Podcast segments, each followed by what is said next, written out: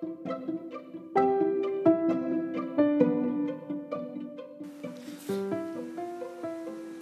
di episode pertama ini, episode basi pertama ini bahas apaan sih?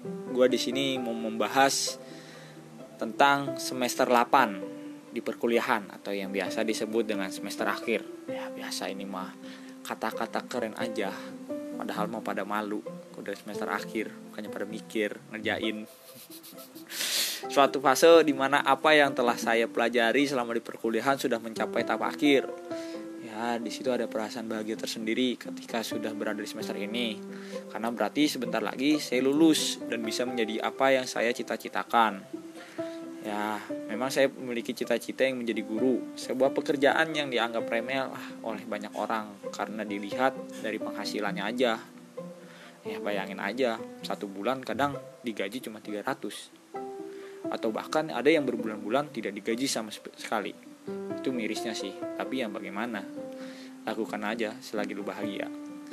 Tapi bagi saya menjadi guru ini menyenangkan karena setiap pagi saya bisa melihat tingkah laku murid-murid yang ada saja bikin masalah dan tingkah-tingkah konyol baik saat belajar ataupun tidak. Kenapa saya bisa bikin bicara kayak gini? Ya karena saya pernah ngerasain mengajar. Itu kayak gimana? Capek sih capek banget. Banget.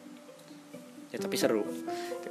Tapi di sisi bahagia saya ada sisi sedih di semester ini.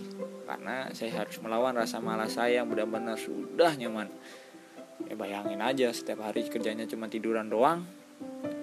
Dan sekarang harus bertarung dengan skripsi yang membuat kepala pusing tak terbayang. Ditambah lagi saya tidak bisa merasakan yang namanya kumpul bersama dengan teman sekelas, bercanda bareng, nyanyi bareng, dan juga gosip bareng. Gak bisa lagi tuh kesel sama teman karena nggak mau kerja kelompok. Ataupun merasakan bagaimana ekstrimnya ngerjain tugas min beberapa jam aja. Ya karena bagi saya ngerjain tugas deadline itu ya seru karena ada tantangan tersendiri. Ditambah biasanya ketika saya habis kuliah dan dosen nggak masuk saya dan teman-teman saya suka kumpul gitu entah di kosan siapa atau pergi ke mana entah berenang atau sekedar nongkrong-nongkrong di kafe yang harganya sesuai dengan kantung saya dan teman-teman. Ya maklum karena kita semua anak perantauan jadi harus harus irit. Hei saking iritnya dalam seminggu pun makan kadang cuma makan telur aja.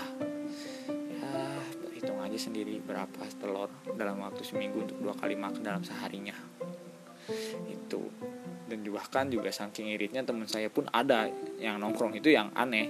Pesan kopi espresso tidak tahu menu kok kopi apa menu kafe itu seperti apa asal pesan akhirnya malah nggak keminum. Akhirnya hanya buang-buang uang doang. Itu sih sayang. Makanya kalau misalkan itu kalian pelajari dulu apa menu-menunya. Itu sih yang bikin saya sedih karena saya akan segera berpisah dengan teman saya dan entah kapan bisa berkumpul kembali Selain itu juga saya dihadapkan dengan kehidupan nyata sesungguhnya. Ya kehidupan yang ada di masyarakat. Bagaimana nanti saya akan lulus saya akan bekerja di mana dan akan menjadi apa saya nantinya. Di sini ada teman kosan saya namanya Samsul Ma'arif. Kalian bisa add instagramnya add Samsul Ma'arif. Di sini juga dia akan membagikan ceritanya tentang keluh kesahnya atau apa yang dirasakan sama semester 8 Ya, Samsul, gimana Samsul? Selama semester 8 ini nih, apa nih yang lu rasain nih? Iya, teman-teman, saya sedikit uh, akan bercerita mengenai setahun ini tahun ke-8 semester saya kuliah. Jadi di semester 8 itu banyak sepertinya banyak banyak beban lah. Bebannya. Kenapa? Karena kita ditargetkan harus lulus tepat waktu. Karena apa? Karena beban kuliah juga kan beban orang tua yang sudah membiayai kita kuliah gitu kan. Akan tetapi beban itu ya pribadi saya nih ya beban itu cuma dijadikan beban doang. Nggak ada solu, gak ada solusinya gitu. Mau ngerjain skripsi pengennya doang gitu kan mager gitu ya terus nggak ada kegiatan apa apa lagi padahal mah cuma main HP natap langit-langit kosan itu kan. Tidur lagi udah ke kucing hidupnya. Ada M Instagram cewek-cewek cakep. Iya sekali aja nyantol gitu kan. Yang penting kan usaha dulu. Nanti usaha dulu. Dapat nggak dapat ya udah apa yang penting cari lagi. DM aja cewek 100 gitu kan pasti ada satu mah ada yang nyantol. satu ada yang nyantol. Ya, fotonya banyak yang nyantol pilih salah satu kan iya gitu. gitu. Paling apa ya semester 8 itu eh, jangan terlalu inilah ngebucin lah. Buat apa ya berselingan aja buat penyemangat gitu kan. Terus banyak adik tingkat yang suka bilang tuh oh semester 8 mah enak ya nggak ada kuliah lagi jangan jarang ke kampus gitu kan enak. Kalau menurut saya itu salah mereka itu. Kalau saya pribadi lebih enak MK sebenarnya. Kalau MK kan datang ke kampus lihat teman presentasi udah itu bubar. Udah bubar bisa nongkrong nongkrong lagi kan sama teman-teman. Kalau udah semester 8 udah nggak ada MK lagi ya jarang jarang ketemu sama teman sekelas juga sekarang mah. Ya paling sibuk masing-masing gitu kan sekarang. Ngechat juga jarang. Ya itu paling dan ya itu teman-teman semua. Jadi jangan pernah nganggap semester 8 wih enak banget nih jadi cutting. Enak banget nih bisa ini itu ini itu. Enak banget nyantai. Enggak teman-teman. Semester 8 itu adalah beban yang paling berat karena kalian itu harus bertanggung jawab pada orang tua. Apalagi nanti kalian lulus itu kalian harus mempertanggungjawabkan apa yang telah kalian pelajari di masa kuliahan kalian pada masyarakat. Karena nantinya kalau misalkan kalian salah tingkah pada masyarakat ya nanti kalian dicap jelek oleh masyarakat. Ya biar kata manusia itu seperti kertas lah. Kita berbuat baik sebanyak-banyaknya kita berbuat baik. Ketika ada satu kesalahan maka yang dari itu adalah kesalahannya. Seperti kertas putih bersih bagus. Pada saat ada satu titik hitam baik itu di tengah ataupun di mana pun maka kita akan fokus kepada titik hitam itu dan akan lebih tertarik dengan permasalahan-permasalahan yang seperti itu. Gitu jadikan diri kita ini seperti sebuah spons dan juga piring kotor. Bagaimana spons ini bisa membersihkan piring kotor dengan perantaranya itu yaitu ya sabun pencuci piring lah ibarat kata ataupun air. Jadi kan kita seperti itu. Seperti bagaimana kita jadi sponsnya ini dan orang lain itu adalah piring kotor. Bagaimana kita bisa membersihkan atau membersihkan penglihatan-penglihatan kita atau pemikiran-pemikiran kotor kita kepada orang lain dengan apa? Dengan cara memaafkan dia.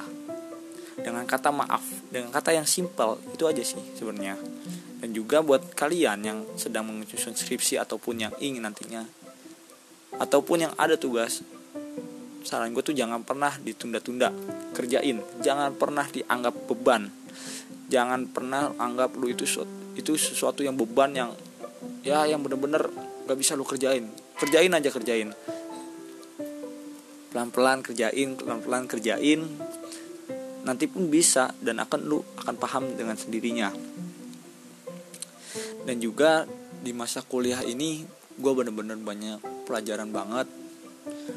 Bener-bener ngerti arti kehidupan banget. Dan satu lagi yang bikin gue paling bermakna dalam hidup gue dan paling berkesan adalah gue belajar satu yaitu bagaimana caranya mendapatkan kebahagiaan. Dan ternyata itu adalah simple banget. Ternyata kebahagiaan itu bukan terkait dengan harta doang. Yaitu adalah bagi gue gue bisa bahagia itu sederhana banget. Yaitu ngeliat orang tersenyum dan bilang terima kasih ke gue karena gue udah telah nolongin dia dan itu gue yang itu gue bikin seneng banget dan gue bisa berguna banget buat orang lain. Itu sih sekian buat podcast pertama lanjut nantinya. Terima kasih.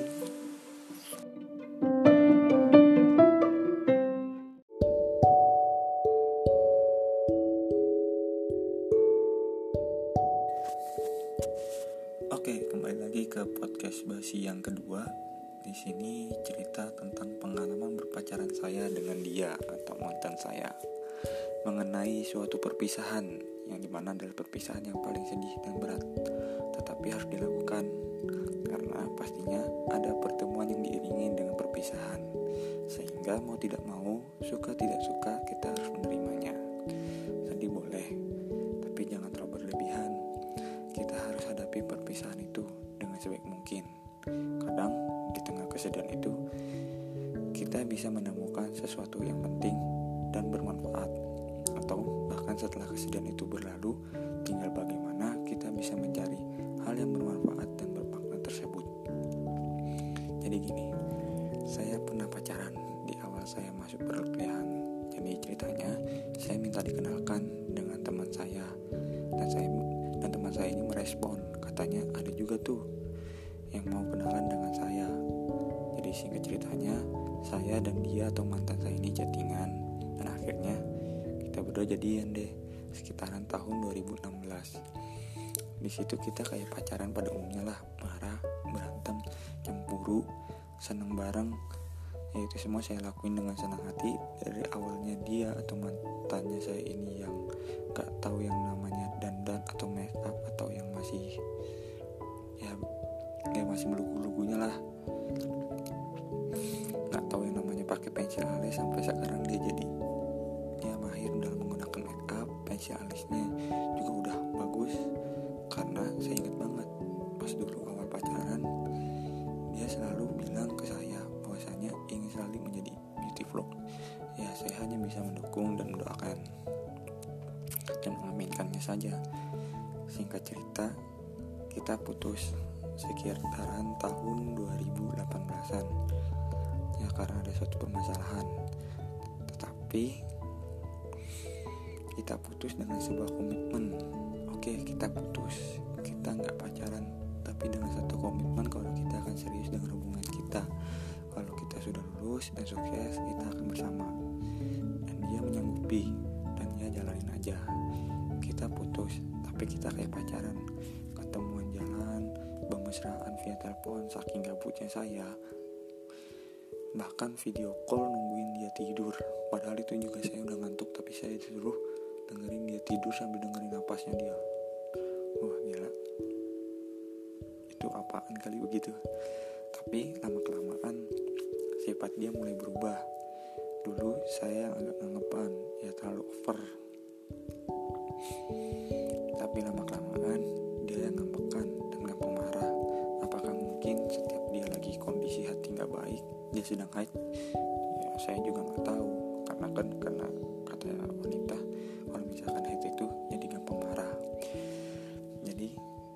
saya pernah mengalami suatu kejadian yang gila banget. Saya pernah berencana jalan sehabis maghrib. Pas saya sudah dekat dengan rumahnya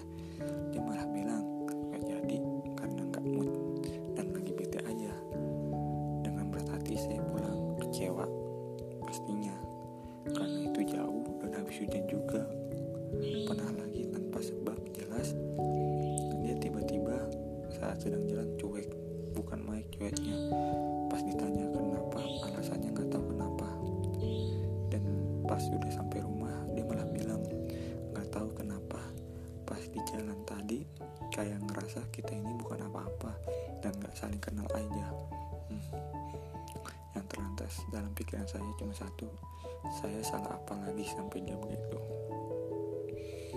pernah lagi ketika kita sedang makan berdua dan dia bercanda begitu deh ketawa hai hai nggak lama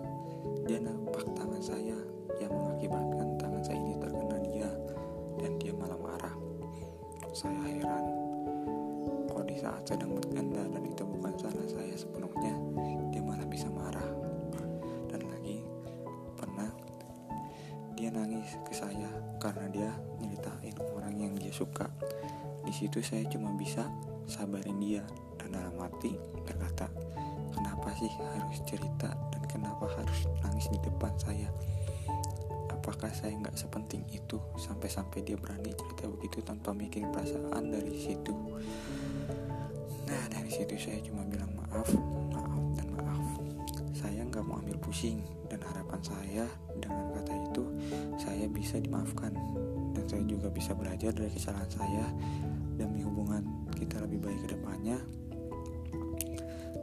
Setelah kejadian-kejadian itu dia sering marah gak jelas akhirnya lama kelamaan dia cuek nggak pedulian kayak dulu lagi. Entah dia sibuk atau apa kali ya saya juga nggak tahu. Tapi keganjilan dari sikap dia itu saya mulai curiga mulai dari dia lebih emosional. HP-nya nggak boleh saya pinjam sama sekali. Dan pernah kita lagi jalan ada chat masuk dari cowok dia langsung panik jadi-jadinya dan berusaha bujuk saya biar nggak marah. Di situ amat mungkin itu temennya. Ya saya jadi saya biasa aja. Dan gak lama di tahun 2019 ada suatu kejadian yang mengakibatkan akhirnya kita benar-benar jauh. Karena saya nggak bisa sikap terima sikap nggak adilnya dia ke saya dan juga ke teman cowoknya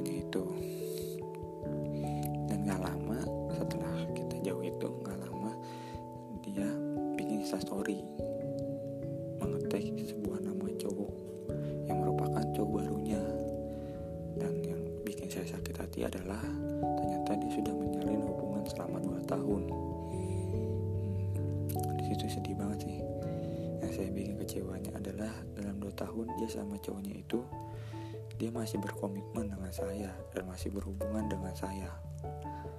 Di situ saya kecewa kesel marah ingin menanyakan kejelasan buat apa nggak penting tapi ya buat apa nggak penting juga.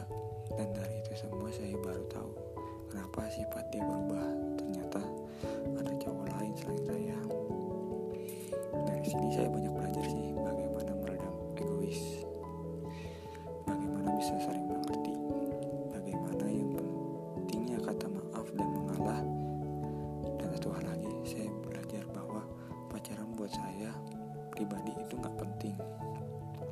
saya sadar. Yang penting adalah bagaimana saya bisa mencapai cita-cita untuk diri saya. Bagaimana saya bisa bahagia dan menghabiskan waktu dengan teman-teman saya. Dan bagaimana saya bisa benar-benar berbagi waktu dengan keluarga saya. Ya mungkin bagi sebagian orang yang memiliki uang lebih atau apa pun itu yang memiliki pandangan lain tidak sependapat dengan saya ya nggak masalah. Karena jujur pola pikir saya kenapa nggak begitu penting adalah menghabiskan uang. Kadang saya suka miris melihat orang yang seperti membagian pacarnya sepertinya orang yang kebanyakan uang yang padahal itu semua hasil jerih payah orang tuanya. Dan lagi terkadang orang lupa dengan teman-temannya ketika sudah memiliki pacar. Padahal kalau putus pasti akan kembali lagi ke temannya. Yaitu pandangan saya kita boleh beda pendapat tapi saling menghargai aja